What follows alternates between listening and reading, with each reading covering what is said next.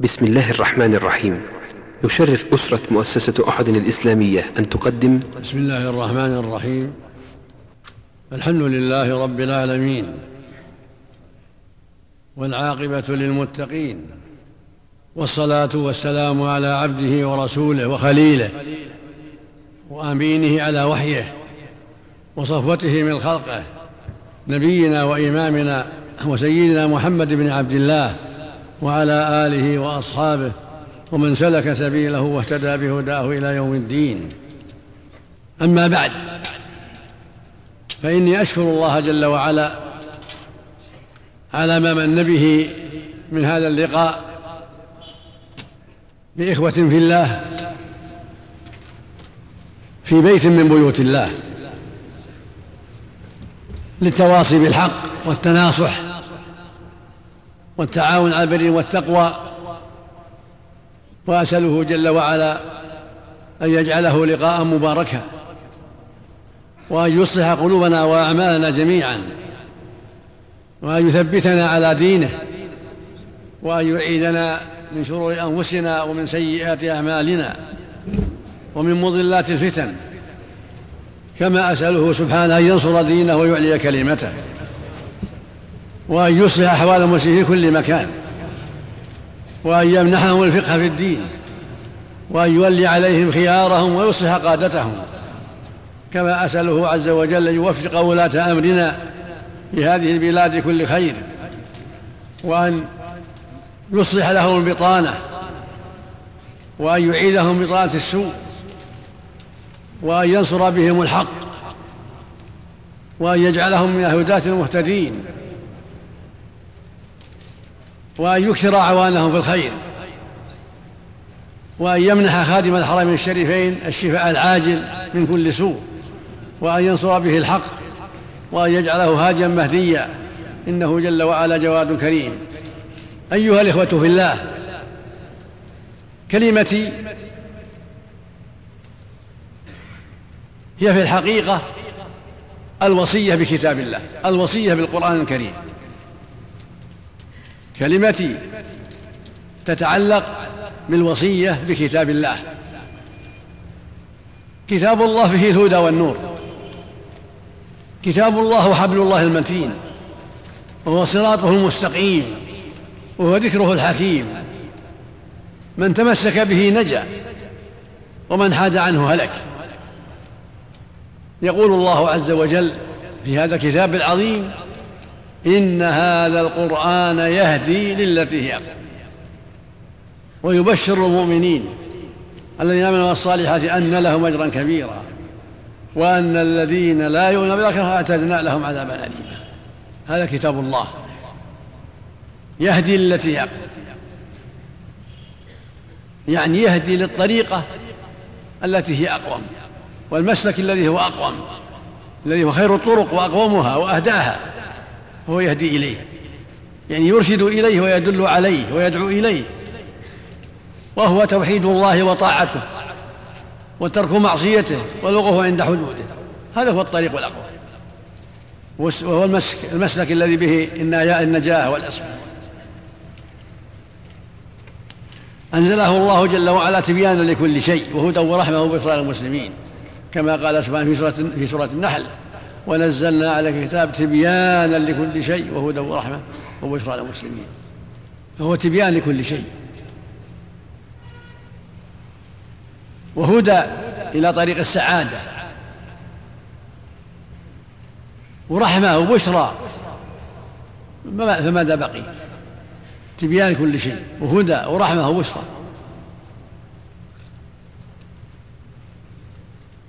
ويقول جل وعلا قل هو للذين آمنوا هدى وشفاء هدى لقلوبهم للحق وشفاء لقلوبهم من أمراض الشرك والمعاصي والبدع والخرافات وشفاء للأبدان من كثير من كثير من الأمراض. قل هو للذين آمنوا هدى وشفاء هو شفاء للجميع لجميع الثقلين. لكن ذكر المؤمنين لأنهم هم الذين اهتدوا به وانتفعوا به. وإلا فهو شفاء للجميع. كما قال جل وعلا قل هو للذين كما قال تعالى ونزل تبيانا لكل شيء. قال إن هذا القرآن يهدي للتي هي أقوم. فالقرآن شفاء لأدواء القلوب المتنوعة أدواء الشرك والمعاصي والبدع والمخالفات. وهو شفاء لكثير من أمراض الأبدان أيضا وأمراض المجتمعات. شفاء لأمراض المجتمع وأمراض البدن. لمن صلحت نيته وأراد الله شفاءه. ويقول جل وعلا وكتاب أنزلناه إليك لتخرج الناس من الظلمات إلى النور. بإذن ربهم إلى صراط العزيز الحميد. فهو كتاب يخرج الله به الناس من الظلمات من ظلمات الشرك والمعاصي والبدع والفرقة والاختلاف إلى نور الحق والهدى نور الاجتماع والتعاون على البر والتقوى. وهذا صراط الله المستقيم. صراط الله المستقيم هو توحيد الله وأداء فرائضه وترك محارمه والتواصي بحقه والحذر من معاصيه ومخالفة أمره. هذا هو صراط الله المستقيم. وهذا هو النور والهدى. وهذا هو الطريق الأقوم. قال في سورة الأنبياء وهذا ذكر مبارك. إن هو إلا ذكر وقرآن مبين في سورة أخرى. فالمقصود أن الله جل وعلا جعل كتابه ذكرا. وجعله نذارة وجعله شفاء وجعله هدى. فالواجب على جميع المكلفين من الجن والإنس أن يهتدوا به وأن يستقيموا عليه وأن يحذروا مخالفته.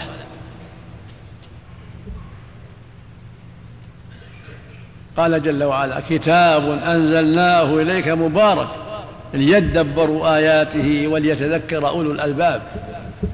قال سبحانه وهذا كتاب أنزلناه مبارك فاتبعوه واتقوا لعلكم ترحمون.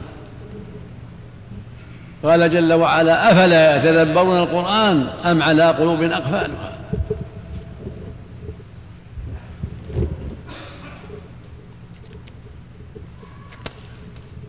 سئلت عائشة رضي الله عنها أم المؤمنين ماذا كان خلق النبي صلى الله عليه وسلم؟ ما هو خلق النبي صلى الله عليه وسلم؟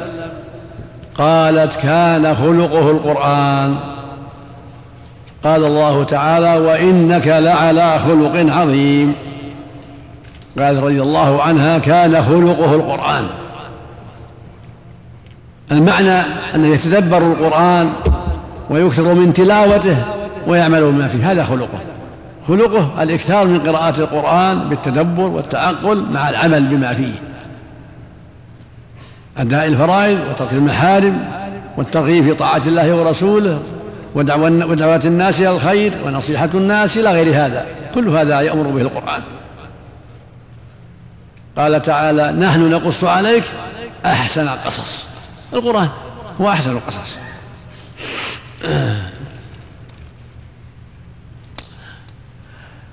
هذا الكتاب العظيم هو أحسن القصص. وهو خلق النبي صلى الله عليه وسلم. فنصيحتي لجميع المسلمين رجالا ونساء جنا وإنسا عربا وعجما علماء ومتعلمين وعامة النصيحة للجميع العناية بالقرآن. والإكثار من تلاوته بالتدبر والتعقل في الليل والنهار. ولا سيما في الأوقات المناسبة التي فيها القلوب حاضرة للتدبر والتعقل.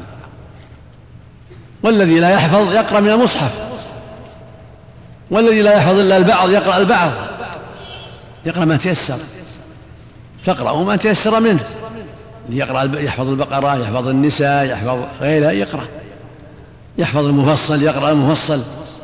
وإذا يعرف الحروف يتهجى ويقرأ من المصحف حتى يتعلم زيادة واللي ما يعلم تعلمه أخته أمه أبوه أخوه. زوجته إن كانت أعلم منه والتي لا تعرف يعلمها أبوها أخوها زوجها أختها. هكذا يتواصى الناس يتعاونون. الزوج يعين زوجته والزوجة تعين زوجها. والأب يعين ولده والولد يعين أباه والأخ يعين أخاه ويعين أخته. والخال والخالة وهكذا. يتعاونون. ويتواصون بهذا الكتاب العظيم. تدبرا وتعقلا وعملا.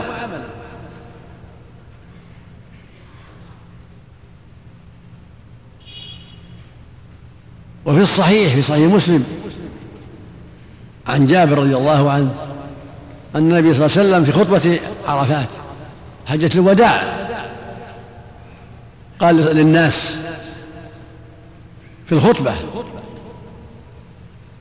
إني تارك فيكم ما لن تضلوا إن اعتصمتم به كتاب الله. هكذا يوصيهم عليه الصلاة والسلام. إني تارك فيكم ما لن تضلوا. إن اعتصمتم به كتاب الله. وفي اللفظ الآخر وسنتي سنة الرسول من كتاب الله. لأن الله يقول أطيعوا الله وأطيعوا الرسول. القرآن ممنوع من هذا. أطيعوا الله وأطيعوا الرسول.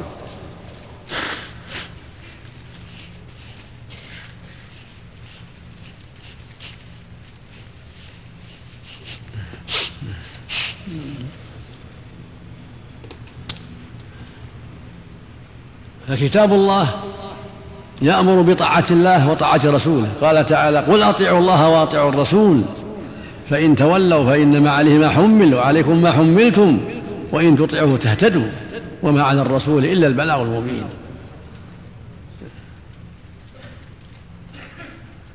ويقول جل وعلا قل أطيعوا الله وأطيعوا الرسول واحذروا. ويقول من يطع الرسول فقد أطاع الله. فالرسول أوصى بالقرآن وهو وصيته بالقرآن وصية بالسنة بأحاديثه عليه الصلاة والسلام وسيرته. ويقول للناس يوم عرفة في المجمع العظيم إني تارك فيكم ما لن تضلوا إن اعتصمتم بكتاب الله.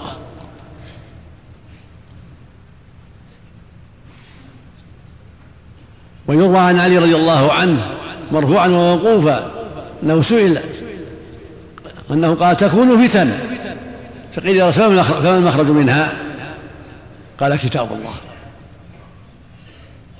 فيه نبأ ما قبلكم وخبر ما بعدكم وحكم ما بعدكم فهو المخرج من جميع الفتن. وهو الدال على سبيل النجاة. وهو المرشد إلى أسباب الهلاك للحذر منها. وهو الداعي إلى جمع الكلمة. وهو المحذر من الفرقة والاختلاف. إن الذين فرقوا دينهم وكانوا شيئا لست منهم في شيء. ويقول جل وعلا في هذا الكتاب العظيم ولا تكونوا كالذين تفرقوا واختلفوا من بعد ما جاءهم البينات. ويقول سبحانه واعتصموا بحبل الله جميعا ولا تفرقوا. فيدعو إلى الاجتماع على الحق والتواصي بالحق. كما قال سبحانه والعصر إن الإنسان لفي خسر. إلا الذين آمنوا وعملوا الصالحات وتواصوا بالحق وتواصوا بالصبر. هذه السورة العظيمة. سورة واحدة قصيرة. جمعت الخير كله. ما أبقت شيئا من الخير إلا ذكرته ولا شيئا من الشر إلا حذرت منه. سورة واحدة قصيرة. والعصر إن الإنسان لفي خسر. إلا الذين آمنوا وعملوا الصالحات وتواصوا بالحق وتواصوا بالصبر. هؤلاء هم الرابحون. الرابحون من الجن والإنس من الذكور والإناث من العرب والعجم من التجار والفقراء من الأمراء وغيرهم هؤلاء هم الرابحون هم الناجون. من هم؟ الذين اتصفوا بأربع صفات. أربع إلا الذين آمنوا هذه واحدة. وعملوا الصالحات اثنتين. وتواصوا بالحق ثلاث. وتواصوا بالصبر أربعة. أربع صفات. هؤلاء سالمون من الخسران ومن عداهم خاسر. من عدا أهل الصفات خاسر. إن الإنسان لا في خسر خاسر في أيامه ولياليه ومصيره النار. إلا الذين آمنوا وعملوا الصالحات. من آمن بالله ورسوله صدق الله في أخباره وصدق الرسول صلى الله عليه وسلم وآمن بكل ما أخبر الله به ورسوله من أمر الآخرة والجنة والنار والحساب والجزاء. وآمن بأن الله سبحانه هو مستحق العبادة وأنه واحد لا شريك له وأن العبادة حقه وأنها لا تجوز العبادة لغيره. صدق بهذا. لأن الله أخبر بهذا. قال فاعبد الله مخلصا له الدين. قال وقضى ربك ألا تعبدوا إلا إياه. قال إياك نعبد وإياك نستعين. وقال سبحانه وما أمروا إلا ليعبدوا الله مخلصين له الدين حنفاء. وقال وإلهكم إله واحد لا إله إلا هو الرحمن الرحيم. وقال الله خالق كل شيء وهو على كل شيء وكيل. وقال سبحانه ما خلقت الجن والإنس إلا ليعبدون. يا أيها الناس اعبدوا ربكم. هذا أصل الدين أساس الملة. أن تؤمن بأن الله خالقك ورازقك وأنه معبودك الحق. وأنه سبحانه الموصوف المسمى بالأسماء الحسنى والصفات العلى. هذه هذا توحيد الله. هذا الجامع أن تؤمن إيمانا قاطعا بأنه هو الخلاق الرزاق. لا خالق غيره ولا رب سواه وأنه سبحانه المستحق العبادة لا يستحقها سواه. والمستحق لأن يعبد بالدعاء والخوف والرجاء والصلاة والصوم والذبح والنذر وغيرها كله لله وحده. لا شريك له. فاعبد الله ونصل له الدين. وما أمروا إلا ليعبدوا الله مخلصين له الدين. وهذا هو معنى لا إله إلا الله. معناها لا معبود حق إلا الله. هذا معنى لا إله إلا الله. كما قال تعالى فاعلم أنه لا إله إلا الله. يعني فاعلم أنه لا معبود حق إلا الله. هو المستغل لا يعبد. ومن عبد الأصنام أو القبور أصحاب القبور أو الأشجار والأحجار أو الملائكة أو الأنبياء فقد أشرك بالله. قد نقض قول لا إله إلا الله وخالفها. وخالف قوله تعالى وما أمروا إلا ليعبدوا الله. وخالف قوله ما خلقت الجن والإنس إلا ليعبدون. فصار من من جملة المشركين. من عبد أصحاب القبور يستغيث بهم ينظر لأصحاب القبور يدعوهم يذبح لهم أو يطوف بقبورهم يرجو نفعهم وثوابهم أو يتمسح بقبورهم يرجو منها البركة أو يستغيث بهم عند الشدة أو يطلبهم الولد أو ما أشبه ما يفعله عباد القبور أو يستغيث بالنجوم أو بالجن أو بالملائكة أو بالأنبياء. أو بغيرهم من المخلوقات. كل هذا نقض لقول لا إله إلا الله ونقض للتوحيد ونقض لقوله جل وعلا وما أمروا إلا ليعبدوا الله مخلصين له الدين قال تعالى ولو أشركوا لحبط عنهم ما كانوا يعملون قال تعالى ولقد أوحي إليك وإلى من قبلك لئن أشركت ليحبطن عملك ولتكونن من الخاسرين قال سبحانه إن الله لا يغفر أن يشرك به ويغفر ما دون ذلك لمن يشاء. قال تعالى إن الشرك لظلم عظيم. فلا بد من توحيد الله والإخلاص له في صلاتك وصومك وسائر عباداتك وذبحك ونذرك وخوفك ورجائك. ولا بد من ترك الإشراك بالله والحذر منه. مع الإيمان بأن الله ربك وخالقك. لا خالق غيره ولا رب سواه. مع الإيمان بأسمائه وصفاته. وأنه سبحانه ذو الأسماء الحسنى والصفات العلى لا شبيه له ولا كف له ولا ند له.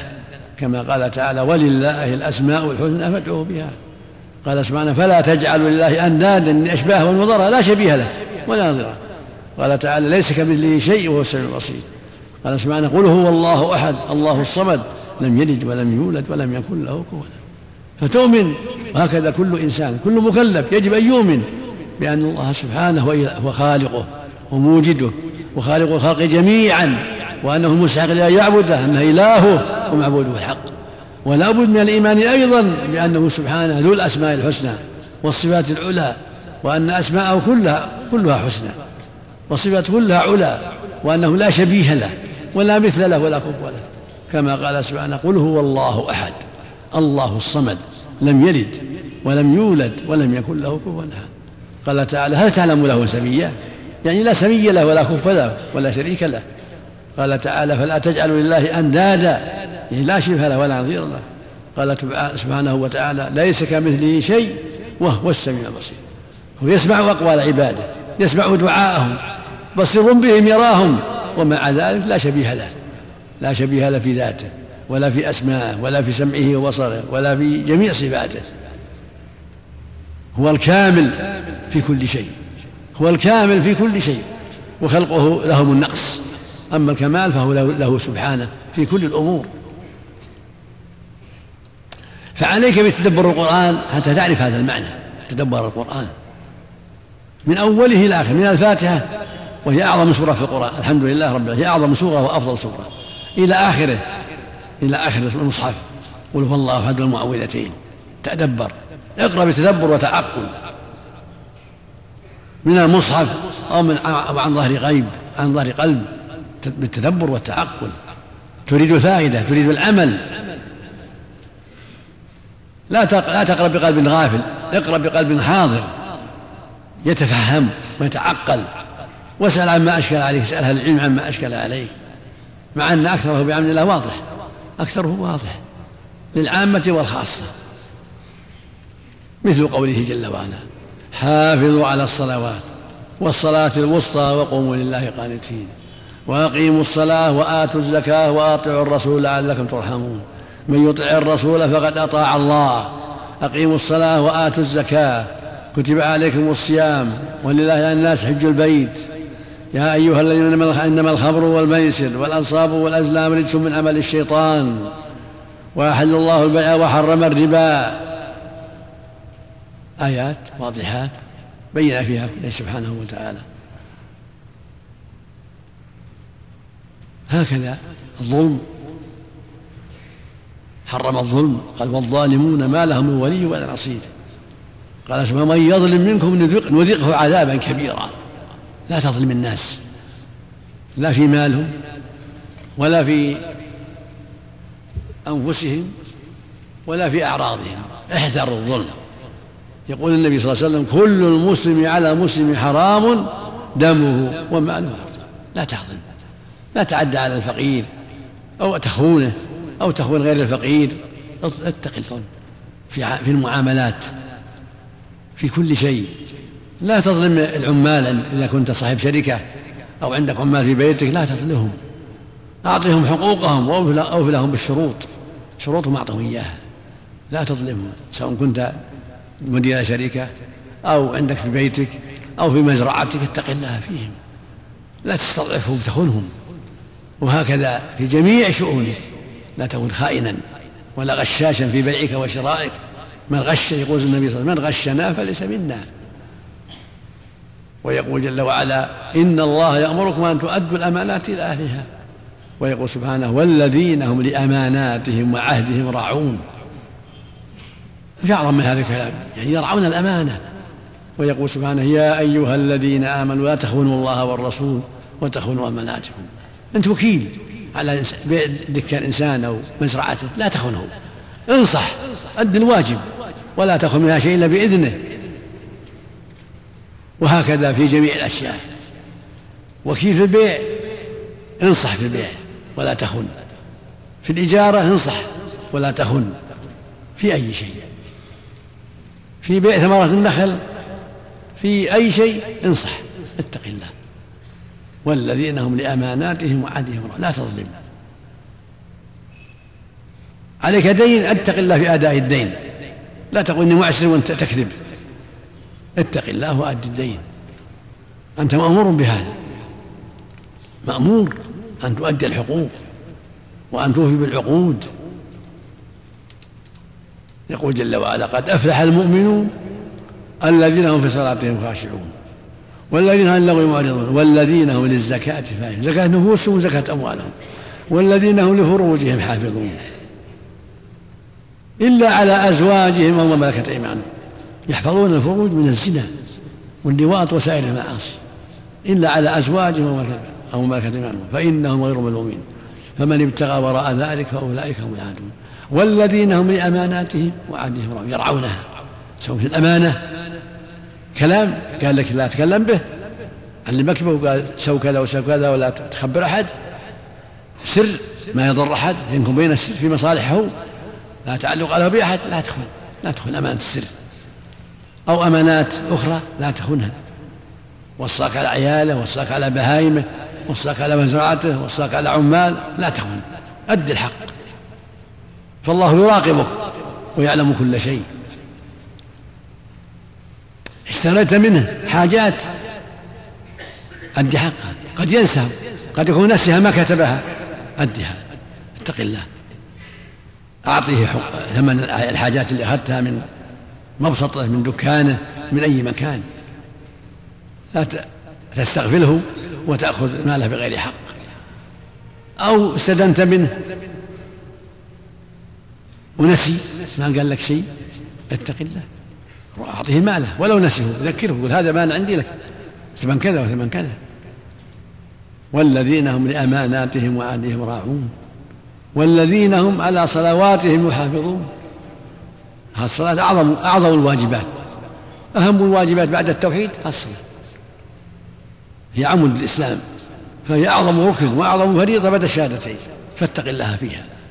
حافظ عليها. ربك يقول حافظوا على الصلوات. هكذا يقول ربك جل وعلا. ويقول لك سبحانه وأقم الصلاة.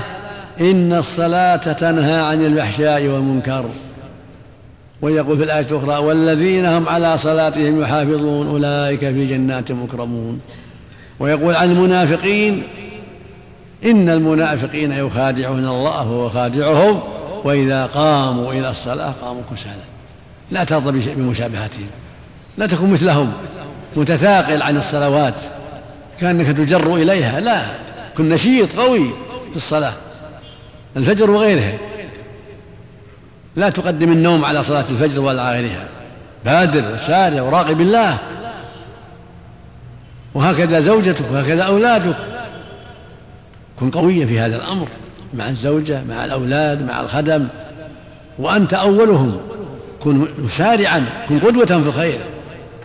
إذا سمعت الندى بادر الفجر الظهر والعصر المغرب والعشاء هكذا يأمرك كتاب الله هكذا يأمرك الله جل وعلا. هذا أمر الله. يقول سبحانه حافظوا على الصلوات والصلاة الوسطى.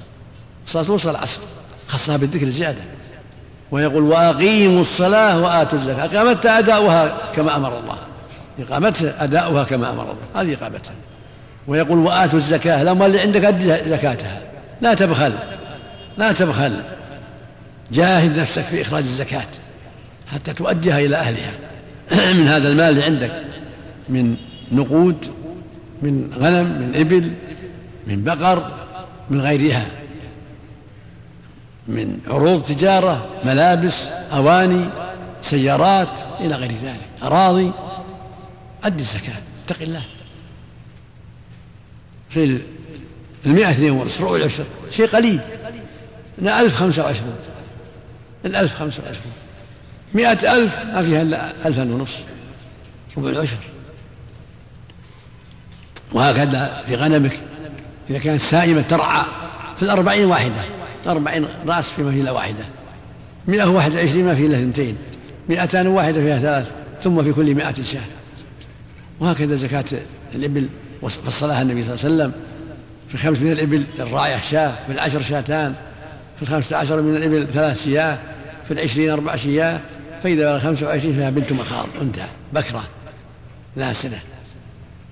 وهكذا في البقر إذا كانت سائمة أو للتجارة أو من الزكاة. سواء كانت سائمة أو للتجارة. السائمة لها زكاة واللي في التجارة زكاة زكاة النقود. وهكذا السلع التي عندك أواني أو ملابس أو سيارات للبيع زكاة. زكاة قيمة. إذا كانت اللي عندك تبلغ عشرة آلاف زكى عشرة آلاف.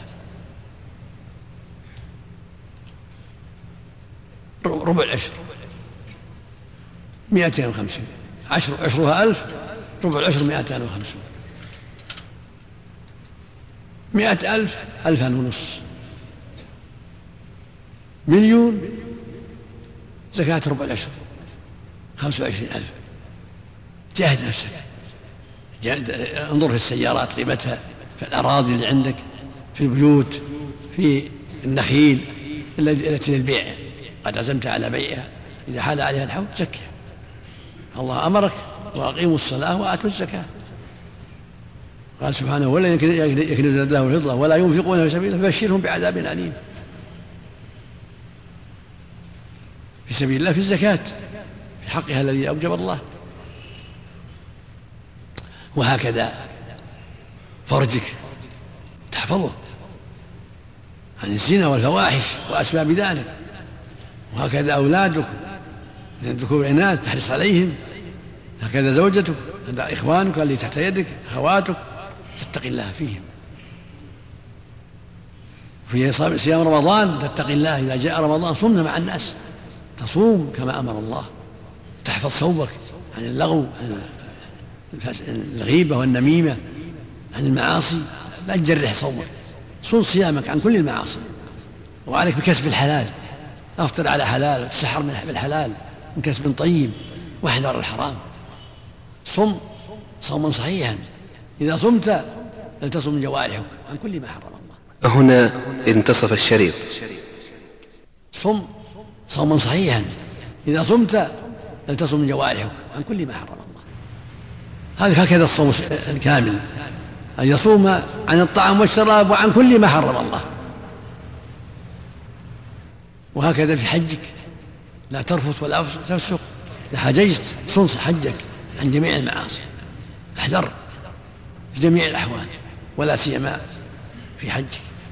وبعده وقبله. أحذر المعاصي. قبله وبعده. هكذا في المعاملات بيعك وشرائك. أحذر الغش. والخيانة والكذب مر النبي صلى الله عليه وسلم على صبرة من طعام في السوق وهو مر في السوق بيعش محل الشراء مر على صبرة من طعام كأنها حس بشيء فيها فأدخل يده فيها أدخل يده النبي صلى الله عليه وسلم فيها. فإذا داخلها رطب فيه ماء. فقال ما هذا يا صاحب الطعام؟ وش هذا؟ قال أصابته السماء. يا رسول الله أصابه المطر. قال أفلا جعلته فوق الطعام حتى يراه الناس؟ من غشنا فليس منا. يبيع الصبرة وداخلها مو طيب. من غشنا فليس منا.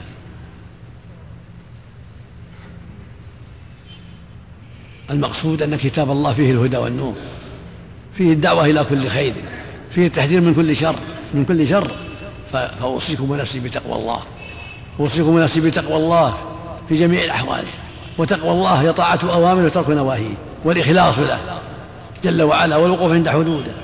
ومن تقواه العناية بالقرآن من تقوى الله العناية بالقرآن. والتدبر معانيه والإكثار من تلاوته حفظا أو نظرا مع التدبر والتعقل. كتاب أنزلناه إليك مبارك ليدبروا آياته. ما نزل ليجعل في دولاب. لا نزل ليقرأ ويتدبر. كتاب أنزلناه إليك مبارك ليدبروا آياته. كتاب أنزلناه إليك لتخرج الناس من الظلمات إلى النور. وهذا كتاب أنزلناه مبارك. ويقول الناس يوم عرفة إني تارك فيكم ما لن تضلوا إن أحسنتم بكتاب الله. ويقول إني تارك فيكم ثقلين. أولهما كتاب الله فيه الهدى والنور. فخذوا بكتاب الله وتمسكوا به. وأهل بيتي يذكركم الله في أهل بيتي. زوجاته وقراباته يذكرون الله يذكر أمة بهم أن يحسنوا إليهم ويرفقوا بهم ويوصوهم بالحق ويعطوهم حقوقهم. وقيل لعبد الله بن أبي أوفى بماذا أوصى الرسول صلى الله عليه وسلم؟ قال أوصى بكتاب الله. يعني أوصى بالقرآن. ما القرآن؟ وصية الله. ووصية رسوله عليه الصلاة والسلام. القرآن وصية الله ووصية الرسول. الله جل وعلا أوصانا بهذا الكتاب. وهذا كتاب أنزلناه مبارك فاتبعوه. هذه وصيته وأمره. وهذا كتاب أنزلناه فاتبعوه واتقوا لعلكم ترحمون. الله نزل أحسن الحديث. كتابا متشابها مثاني. تقشعر من الذين يخشون ربهم ثم تلين جلودهم وقلوبهم إلى ذكر الله. هذا كتاب الله. أحسن الحديث كتاب الله. وهو أحسن القصص. نحن نقص عليك أحسن قصص. فهو أحسن القصص قص علينا أخبار الماضين أخبار آدم وأخبار نوح وهود وصالح وغيرهم من الرسل المذكورين في القرآن. وقص علينا أخبار أممهم وما جرى لهم من العقوبات وما جرى للمتقين من النصر والتأييد. قص علينا أخباره هو أحسن القصص ما في قصص أحسن منه. وهو أحسن الحديث. يعني أحسن الكلام وأفضل الكلام كتاب الله. فالوصية أيها الإخوة رجالا ونساء جنا وإنسا أيها الإخوة الوصية كتاب الله. العناية العناية والتدبر والتعقل والعمل وسنة الرسول داخلة في ذلك سنة الرسول صلى الله عليه وسلم من كتاب الله. لأن الله أوحى إليه القرآن والسنة. قال جل وعلا والنجم إذا هوى ما ضل صاحبكم وما غوى وما ينطق عن هوى. إن هو إلا وحي يوحى. وقال صلى الله عليه وسلم إني أوتيت القرآن ومثله معه. فالوصية القرآن والسنة عليكم بسنة الرسول أيضا. أحاديثه الصحيحة. الاستفادة منها وحفظ ما تيسر منها. والسؤال عما أشكل منها. لأن الله أوصى بها. قال أطيعوا الله وأطيعوا الرسول. قال جل وعلا وما آتاكم الرسول فخذوه وما نهاكم عنه فانتهوا. وقال جل وعلا فليحذر الذين يخالفون أمره يعني أمر النبي صلى الله عليه وسلم. فليحذر الذين يخالفون ان تصيبهم فتنة أو يصيبهم عذاب أليم. وقال جل وعلا تلك حدود الله. ومن يطع الله ورسوله يدخله جنات تجري من تحتها خالدين فيها وذلك الفوز العظيم. ومن يعص الله ورسوله ويتعدى حدوده يدخله نارا خالدا فيها وله عذاب مهين. نسأل الله العافية. فالوصيه لنفسي ولكم ولجميع المسلمين ولكل من بلغه هذا الكلام. الوصية تقوى الله والعناية بكتاب الله والاجتماع على ذلك قولا وعملا ومذاكرة وصية ومن ضيع ذلك خسر والعصر. إن الإنسان لفي خسر إلا الذين آمنوا وعملوا الصالحات وتواصوا بالحق وتواصوا وتواصوا بالصبر. هؤلاء هم أهل السعادة. هم أهل الربح. آمنوا بالله ورسوله إيمانا صادقا ووحدوا الله وأخلصوا له العبادة وأدوا فرائضه وتركوا محارمه وتواصوا بالحق تناصحوا فيما بينهم تواصوا أمروا بالمعروف نهوا عن المنكر ثم مع ذلك صبروا. مع هذا صبروا ما جزعوا صبروا حتى لحقوا بربهم حتى ماتوا. وهم المذكور في قوله تعالى والمؤمنون والمؤمنات بعضهم أولياء بعض يأمرون بالمعروف وينهون عن المنكر. ويقيمون الصلاة ويؤتون الزكاة ويطيعون الله ورسوله. أولئك سيرحمهم الله. هذا شانهم هذا شأن المؤمنين. والمؤمنون والمؤمنات بعضهم أولياء بعض. يأمرون بالمعروف وينهون عن المنكر ويقيمون الصلاة ويطيعون الزكاة ويؤتون الزكاة ويطيعون الله ورسوله. قال تعالى أولئك سيرحمهم الله. هذا جزاؤهم. أولئك سيرحمهم الله. في الدنيا بالتوفيق والهداية والتسديد وفي الآخرة بدخول الجنة والنجاة من النار. وهم المذكور في قوله والعصر إن الإنسان لفي خسر إلا الذين آمنوا وعملوا الصالحات وتواصوا بالحق وتواصوا بالصبر. وقال اسمع في هذا المعنى وتعاونوا على البر والتقوى. وتعاونوا على البر والتقوى. البر والتقوى أداء فرائض الله وترك محارمه هذه البر والتقوى. أداء فرائض الله وترك محارم الله. ولا تعاونوا على الإثم والعدوان. واتقوا الله إن الله شديد العقاب. ويقول النبي صلى الله عليه وسلم في الحديث الصحيح الدين النصيحة الدين النصيحة الدين النصيحة. لمن يا رسول الله؟ قال لله ولكتابه ولرسوله ولأئمة المسلمين وعامتهم. ويقول صلى الله عليه وسلم المؤمن للمؤمن كالبنيان يشد بعضه بعضا وشبك بين أصابعه ويقول صلى الله عليه وسلم مثل المؤمن في توادهم وتراحمهم وتعاطفهم مثل الجسد. إذا اشتكى منه عضو تداعى له سائر الجسد بالسهر والحمى.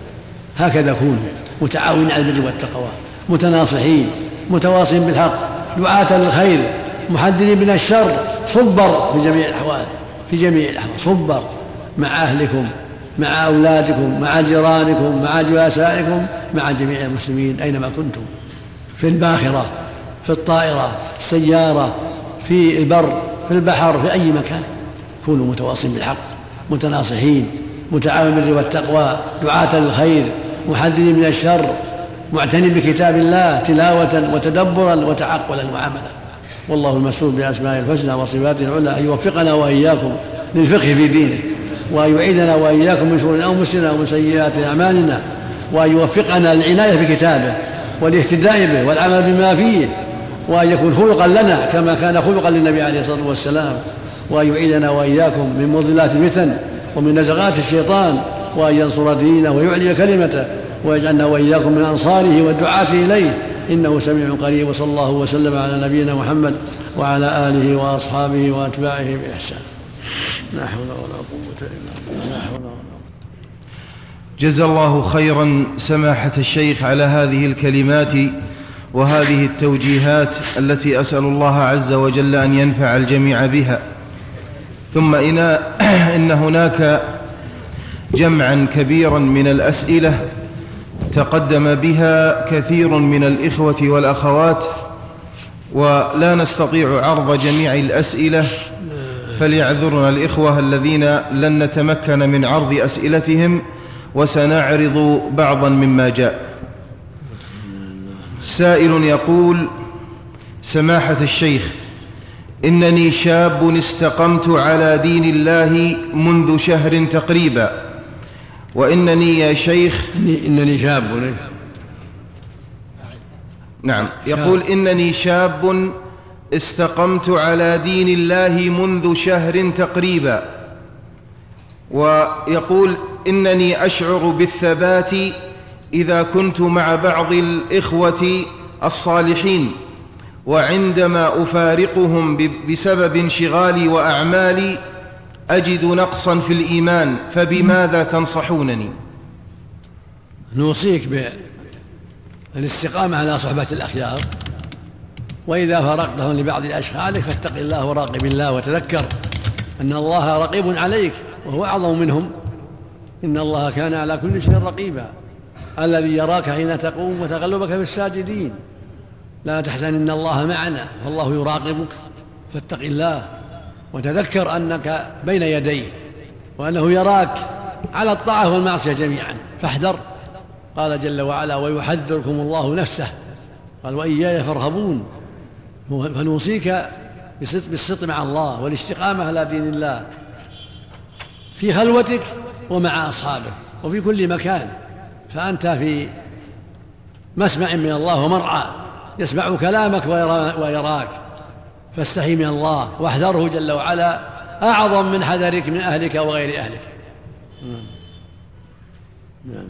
هذا سائل يقول ما حكم من مات على الشرك الأكبر وهو لا يعلم أنه شرك أكبر؟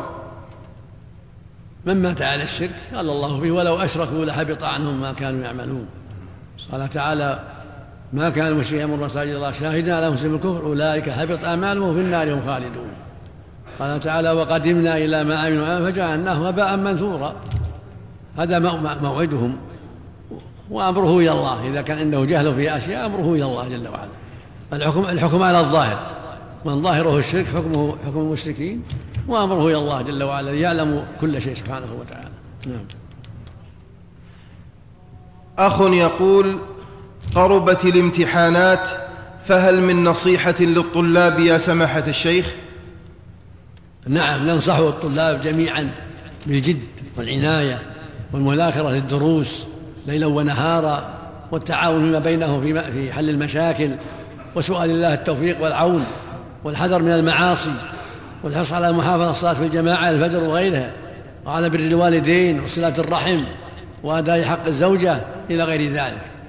نوصيهم بتقوى الله والاستقامة على دينه والمحافظة على ما أوجب الله وترك ما حرم الله. وهذا يعينهم على النجاح في دروسهم. كل واحد عليه يتقي الله وأن يحافظ على ما أوجب الله عليه من صلاة وغيرها وأن يجتهد في بر والديه وإعطائهم حقوقهم وإنصاف الزوجة وإعطائها حقها إن كان له زوجة وحفظ الوقت من القيل والقال الذي لا فائدة فيه يحفظ وقته بالمذاكرة مع إخوانه. بالمذاكرة وحده بسؤال الله التوفيق يضرع إلى الله يسأل ربه التوفيق والإعانة. مع العناية بمراجعة الدروس والتعاون مع الزملاء مع الحرص على طاعة الله ورسوله وعلى أداء الحقوق التي عليه. سماحة الوالد سائل يقول رجل قال إن العقيدة تعقيد فما قولكم في قوله هذا؟ أين؟ يقول إن العقيدة تعقيد. هذا كلام شنيع. إذا كان قصده العقيدة توحيد وعقيدة المؤمنين أنها تعقيد هذا ردة عن الإسلام كفر بالله. معناه أنها ما فيها فائدة وأنها غير معلومة وأنها معقدة. هذا كلام قبيح وردة عن الإسلام. فلا بد يراجع نفسه ويتقي الله. العقيدة هي أصل الدين هي أساس الدين. العقيدة لا إله إلا الله توحيد الله والإخلاص له وترك الإشراك به والإيمان بأسمائه وصفاته وطاعة أوامره هذه العقيدة ما فيها تعقيد هذه العقيدة. نعم. أخ يقول ما الدليل على أن الطواف لا بد فيه من الطهارة من الحدث الأكبر والأصغر؟ الدليل أنه صلى الله عليه وسلم لما أراد أن يطوف توضأ. الصحيحين عن عائشة رضي الله عنها قالت لما أراد صلى الله عليه وسلم أن يطوف توضأ. وقال صلى الله عليه وسلم الطواف بصلاة. إلا أن الله أباح فيه الكلام. جاء هذا موقوفا ومرفوعا. عن عن عن ابن عباس. والموقوف أصح في الرواية لكنه مرفوع من جهة المعنى. لأن هذا لا يقال من جهة الرأي. فهو صلاة والنبي والنبي طاف طاهرا وقال صل خذوا عني مناسككم. خذوا عني مناسككم. وقال ابن عباس الطواف صلاة إلا الله إلا أن الله أباح في الكلام. هذا ما يقال من جهة الرأي. ولهذا جاء مرفوعا في الروايات الأخرى. نعم. سائل يقول قال الله تعالى ومن ذلك, ومن ذلك منع الحائض من من الطواف لما حضرت عائشة منعها من الطواف حتى تطهر. نعم. سائل يقول قال الله تعالى والذين كفروا أولياؤهم الطاغوت يخرجونهم من النور إلى الظلمات. ما المقصود بالنور في, في الآية؟ وهل الكفار كانوا في نور؟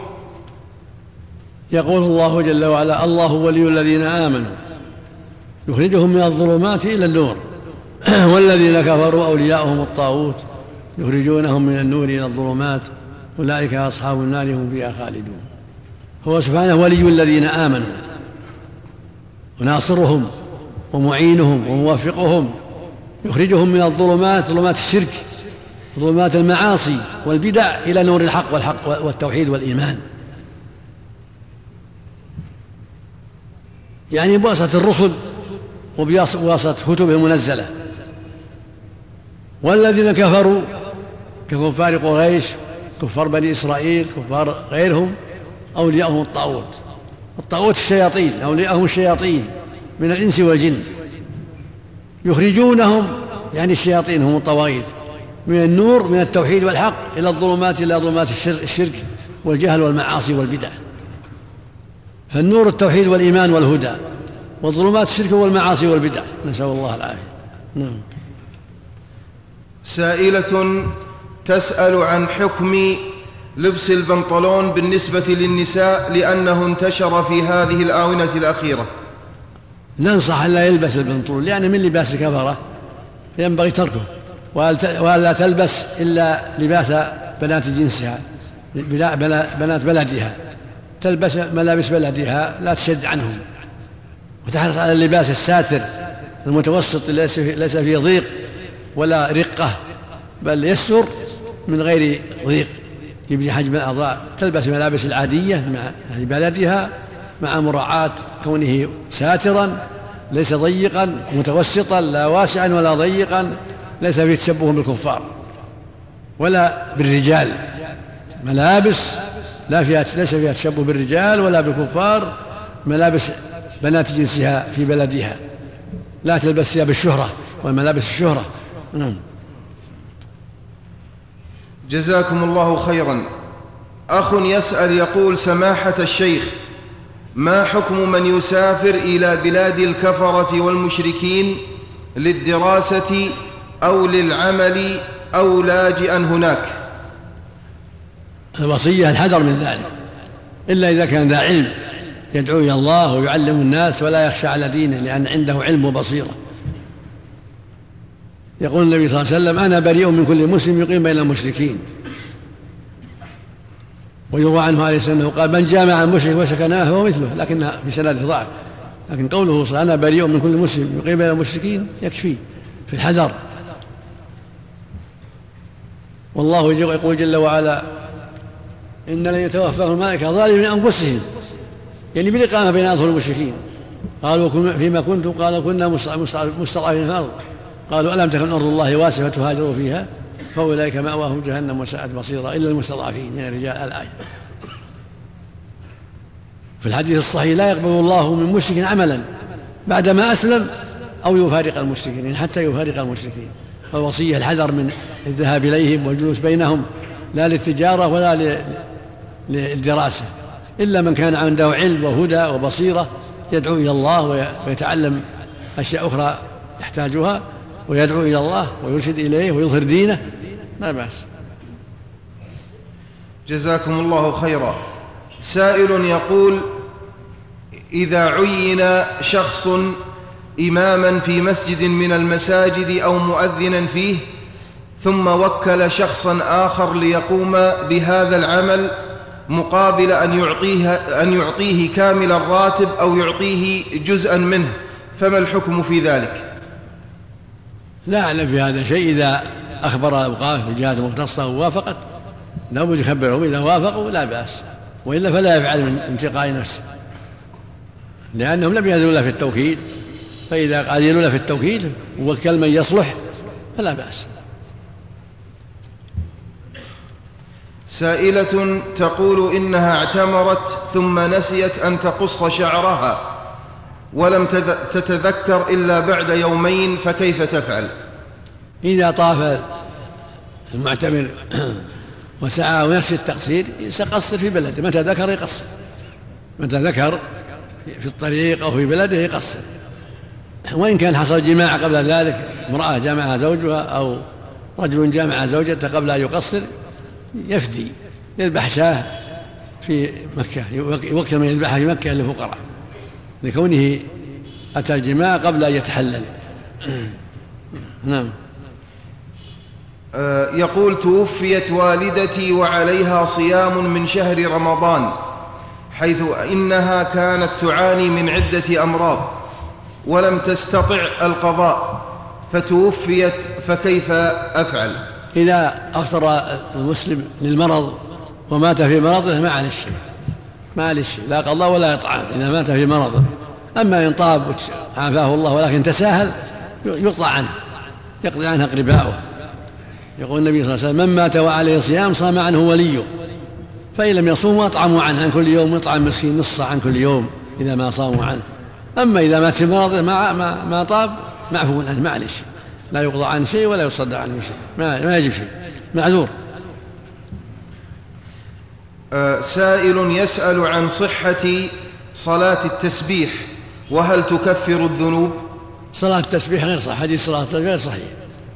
حديث صلاة التسبيح غير صحيح بل هو خبر منكر. لا أصل له نعم.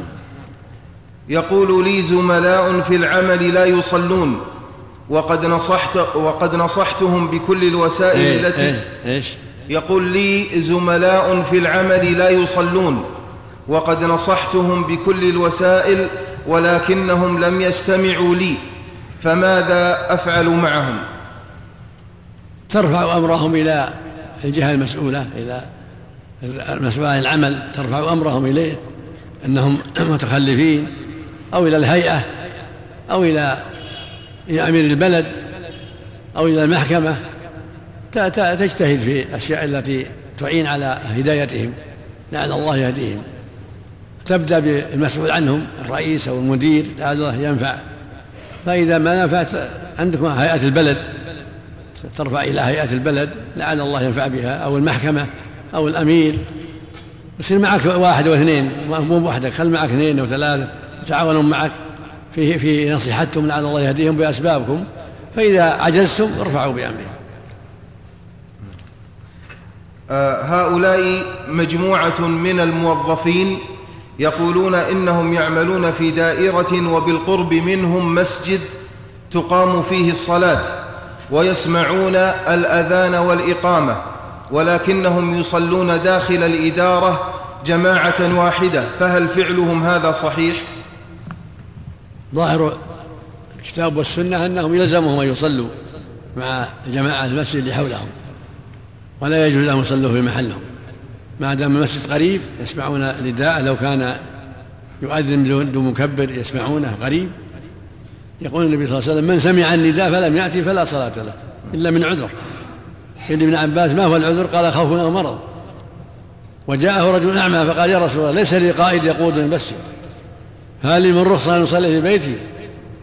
فقال صلى الله عليه وسلم هل تسمع النداء بالصلاة؟ قال نعم. قال فأجب. نعم. سائل يقول مأموم مأموم فاتته ركعة فقام ليتم صلاته فجاء رجل آخر واقتدى به فهل تصح الصلاة؟ الصحيح لا حرج. إذا قام يقضي واقتدى به آخر جعله إماما له صحت إن شاء الله. لكن لو صلى كل واحد الحالة أحسن. ولا تصح. النبي صلى الله عليه وسلم لما فاتته الصلاة هو والمغيرة قضى كل واحد وحده. ما أما أحدهما الآخر. في الصحيح عن صحيح مسلم عن المغيرة رضي الله عنه من شعبة في غزوة تبوك قال ذهب النبي يقضي حاجته صلاة الفجر. فلما جاء وتوضأ وكان عليه خفان فلما أراد يغسل غسل الرجلين أهويت لأنزع خفي فقال يا المغيرة دعهما فإني أدخلتهما طاهرتين فمسح عليهما. قال ثم ذهبنا إلى الجماعة. يعني الجيش محل الجيش محل الجماعة في غزوة تبوك. فوجدناهم قد قدموا عبد الرحمن بن عوف يصلي بهم صلاة الفجر لأن تأخر النبي عليه عن العادة فقدموا عبد الرحمن يصلي بهم. فجاء النبي صلى الله عليه وسلم فلما أراه عبد الرحمن أراد يتأخر فأشار الله النبي صلى الله عليه وسلم أن يستمر. كمل صلاته ثم صف النبي مع الناس هو المغيرة وقد فاتهم ركعة. فلما سلم عبد الرحمن قام النبي صلى الله عليه وسلم والمغيرة كل واحد قضى ركعة التي فاتت. فدل هذا على فوائد. منها أنه إذا تأخر الإمام عن عادته يقدم المأمومون ما يصلي بهم لا يتأخرون لا يتعطلون ولا يجوز له يعترض عليهم. إذا تأخر عن عادته ليس له أن يعترض. وهم يقدمون ويصلي بهم. ومنها أن الإنسان إذا فات الشيء يقضي ما فاته يصلي مع الإمام ما بقي ما أدرك. ثم إذا سلم الإمام يقوم يقضي كل يقضي. كل واحد يقضي لنفسه ما فاته. هذا هو المشروع. نعم. جزاكم الله خيرا. سماحة الشيخ عندي ولد لا يصلي وقد نصحته وضربته ولكن كلما سألته عن الصلاة قال صليت رغم علمي أنه يكذب فهل يجوز لي طرده من البيت والبراءة منه؟ عليك أن تجاهد في إصلاحه فإذا لم يستقم فلك طرده وإبعاده. لكن الاجتهاد في إصلاحه وتوجيهه ولو بالتدريب ولو بالضرب أولى من طرده لعل الله يهديه بأسبابه. لأنك إذا طردته قد يكون شره أكثر فساده أكثر. لكن تجتهد في إصلاحه ولو بالتأديب لعل الله يجعل ذلك سببا لصلاحه. ولا ولا بأس. النبي صلى الله عليه وسلم قال واضربوهم عليها لعشر. أمر بضربهم. جزاكم الله خيرا. هذا موظف يعمل في صيدلية. يقول إن رئيسه في الصيدلية امرأة. يقول مع وجود الرجل البديل فبماذا تنصحوني؟ ننصحك لا توظف معها. لا تجعل تكون تحت رياسة امرأة. لا توظف معها. كانت امرأة رئيسة يحذر. دور عملا آخر الدنيا الشيطان حريص نسأل الله السلامة. فلا ننصحك ألا تكون تحت إبرتها بل دور عمل يكون رئيس الرجل يكون تكون مع الرجال لا مع النساء. هذا أحوط لك وأبعد لك عن الشر والخطر. نسأل الله السلامة. سماحة الشيخ مجموعة نساء مدرسات يذهبن مجموعة مع السائق مسافة مئة وعشرين كيلو للتدريس في مدرسة في منطقة أخرى. فما حكم ذلك؟ الأصل وجوب وجوب المحرم هذا هو الأصل. يقول النبي صلى الله عليه وسلم لا تسافر امرأة إلا مع ذي محرم. بعض أهل العلم يرخص في هذا لأن لأنهم جماعة والخطر بعيد ولكن ظاهر السنة المنع. ظاهر سنة النبي صلى الله عليه وسلم المنع لقوله صلى الله عليه وسلم لا تسافر امرأة إلا مع ذي محرم. فالواجب على المسؤولين عن تدريس النساء أن ينظروا. كل بلد يكون مهما أمكن مدرساتها منها حتى لا يحتاجن إلى السفر بدون محرم. ينبغي أن يعالج الموضوع هذا بكل عناية لأنه موضوع خطير. ينبغي أن يعالج من جهة من الجهة المسؤولة. سماحة الشيخ قد اقترب دخول شهر رمضان ومن الناس من بدأ يستعد له لقضاء لياليه في بعض المعاصي. فهل من كلمة توجيهية؟ نوصي الجميع بتقوى الله وأن يستعدوا له بالعزم الصادق على صومه والتحفظ فيه وقيام ليله. نوصي الجميع بالبشارة بهذا الشهر والترحيب والفرح به. كان النبي يبشر أصحابه بهذا الشهر العظيم.